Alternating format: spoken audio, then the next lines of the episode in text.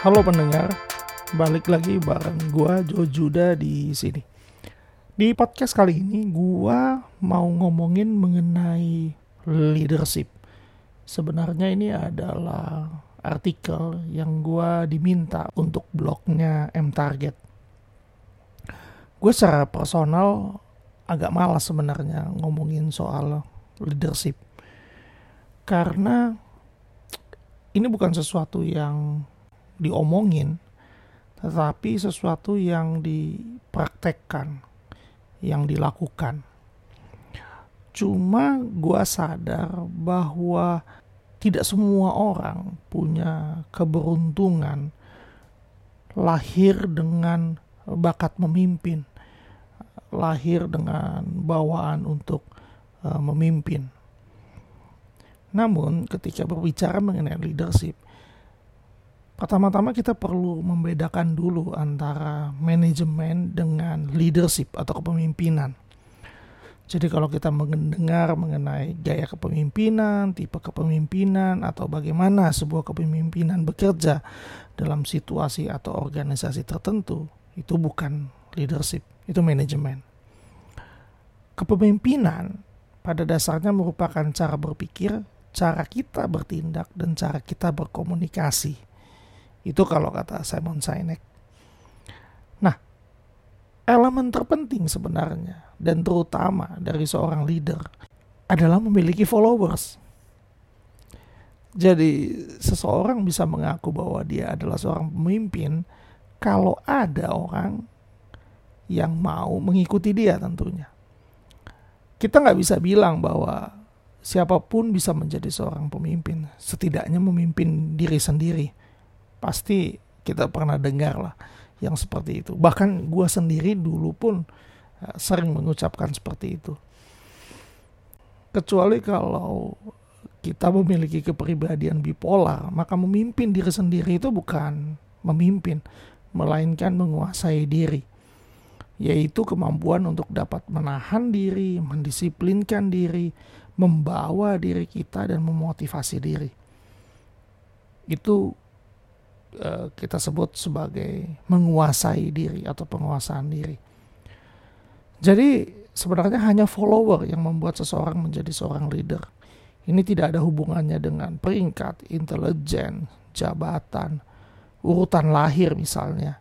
Bukan juga soal senioritas. Jika seseorang bersedia mengikuti kita, selamat Anda adalah seorang leader. Sesederhana itu. Lalu pertanyaan berikutnya yang muncul tentu apa itu follower? Uh, apakah orang yang cuma sekedar ikut saja yang kita suruh ikut atau terpaksa ikut kita? Follower atau pengikut adalah seseorang yang secara sukarela volunteers pergi ke mana kita akan pergi. Sukarela di sini adalah seseorang yang mengangkat tangan dengan inisiatif mereka sendiri tentunya dan memilih untuk mengikuti kita. Kita mungkin dapat membuat orang lain melakukan segala macam hal, termasuk menyuruh mereka mengikuti kita dengan menggunakan otoritas kita. Misalnya di tempat kita bekerja, kita adalah atasan mereka. Dan mereka adalah bawahan kita. Nah, namun sayangnya itu tidak menjadikan Anda seorang pemimpin. Yes, Anda bos mereka. Yes, Anda atasan mereka karena Anda membayar mereka misalnya. Namun Anda bukan pemimpin sebenarnya.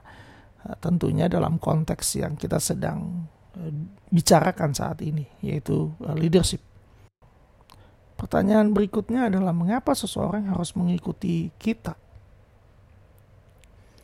Jadi kalau kita sederhanakan hanya ada dua cara untuk menginfluence perilaku manusia dalam hal ini mengikuti kita ya influence itu adalah yang mengikuti kita.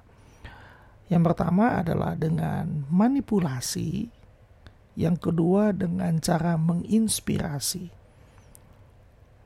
Kita bicara mengenai manipulasi dulu. Ini seperti transaksional. Ada yang menjual ada yang membeli.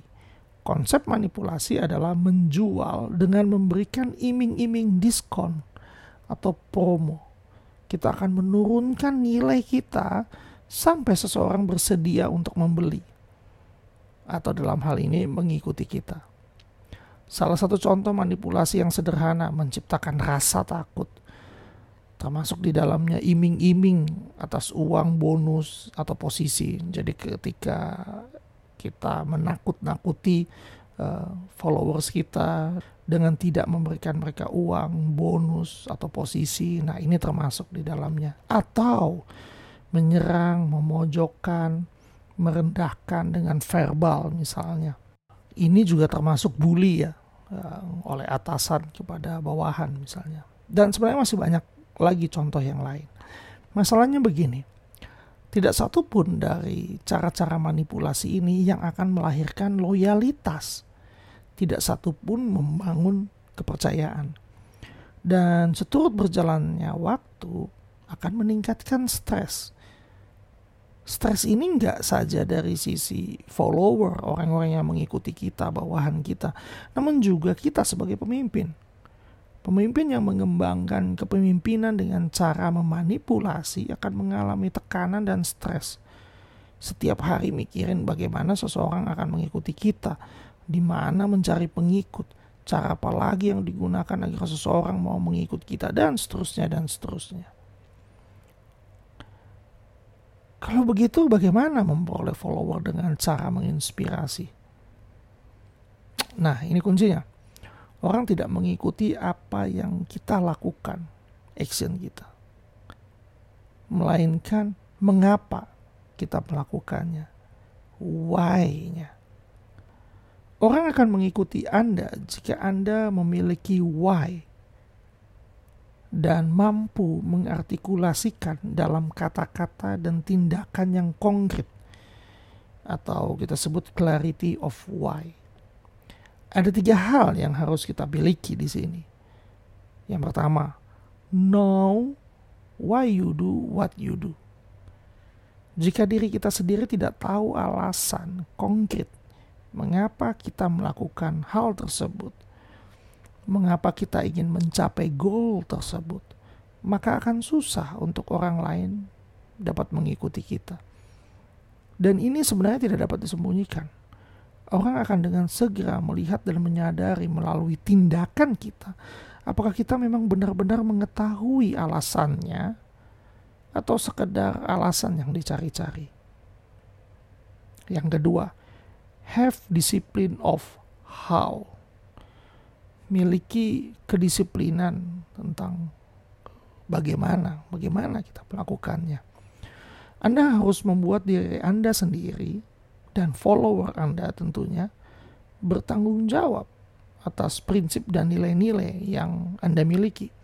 Kalau kita sendiri sebagai leader tidak dapat bertanggung jawab atas prinsip, nilai, dan langkah yang kita ambil, akan susah mendapatkan follower yang baik, yang mau percaya dengan apa yang kita yakini. Yang ketiga adalah have consistency of what. Sebagai leader kita harus memiliki konsistensi atas apa yang kita katakan dan semua yang kita lakukan harus membuktikan apa yang kita yakini tentunya. Ini sebenarnya konsep dasar di balik authenticity. Salah satu indikasi seorang leader inkonsisten terhadap nilai dan apa yang dilakukan adalah motif mereka diragukan oleh orang lain. Motif mereka diragukan oleh followers mereka. Pernah kan kita alami ketika tindakan yang kita ambil berangkat dari motif yang baik sebenarnya. Tujuan kita baik sebenarnya, namun disalahartikan atau diragukan oleh follower kita. Nah, itu kemungkinan besar karena mereka melihat inkonsistensi terhadap perkataan, tindakan, dan prinsip yang kita yakini atau yang kita sering katakan umbar ke hadapan mereka. Tiga hal ini membangun rasa percaya antara pemimpin dengan pengikut. Dan kepercayaan itu adalah perasaan. Kepercayaan itu adalah pengalaman manusia, experience of humanity. Perasaan yang lahir perasaan yang lahir dari seperangkat nilai dan keyakinan yang kita sepakati bersama. Dan kelangsungan hidup kita bergantung pada kemampuan kita untuk menemukan orang-orang ini. Sehingga kita dapat membentuk kepercayaan. Saat Anda mempercayai mereka dan mereka mempercayai Anda, kita akan lebih rela, kita akan lebih cenderung untuk mengambil resiko, mengeksplorasi, bereksperimen yang tentunya membutuhkan kegagalan. Semua dengan keyakinan jika kita membuat kesalahan, baik follower kita maupun kita sendiri sebagai leader, maka seseorang dari dalam kelompok kita akan datang membantu kita. Kepercayaan bukan tuntutan salah satu pihak saja, namun menjadi tanggung jawab bersama untuk bersedia menjadi orang yang dapat dipercaya. Jika hanya dari leader saja yang menuntut percaya dari followersnya tanpa menjadi orang yang dapat dipercaya itu adalah tuntutan manajemen karena bos adalah atasan karena bos menggaji. Jadi eh, dia akan tuntut kepercayaan dari uh, followernya kamu harus earn uh, my trust kita menuntut bawahan kita uh, untuk bisa membuktikan diri agar menjadi orang yang dapat dipercaya tanpa kita sendiri melihat diri kita sebenarnya uh, trustworthy nggak sih?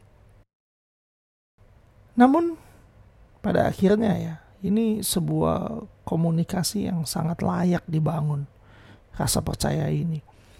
Karena ketika kita dikelilingi oleh orang-orang yang percaya dengan apa yang kita yakini, apa yang kita jalankan, apa yang kita kerjakan walaupun mungkin hasilnya belum meyakinkan hasilnya belum ada namun e, percaya sesuatu yang luar biasa pasti terjadi.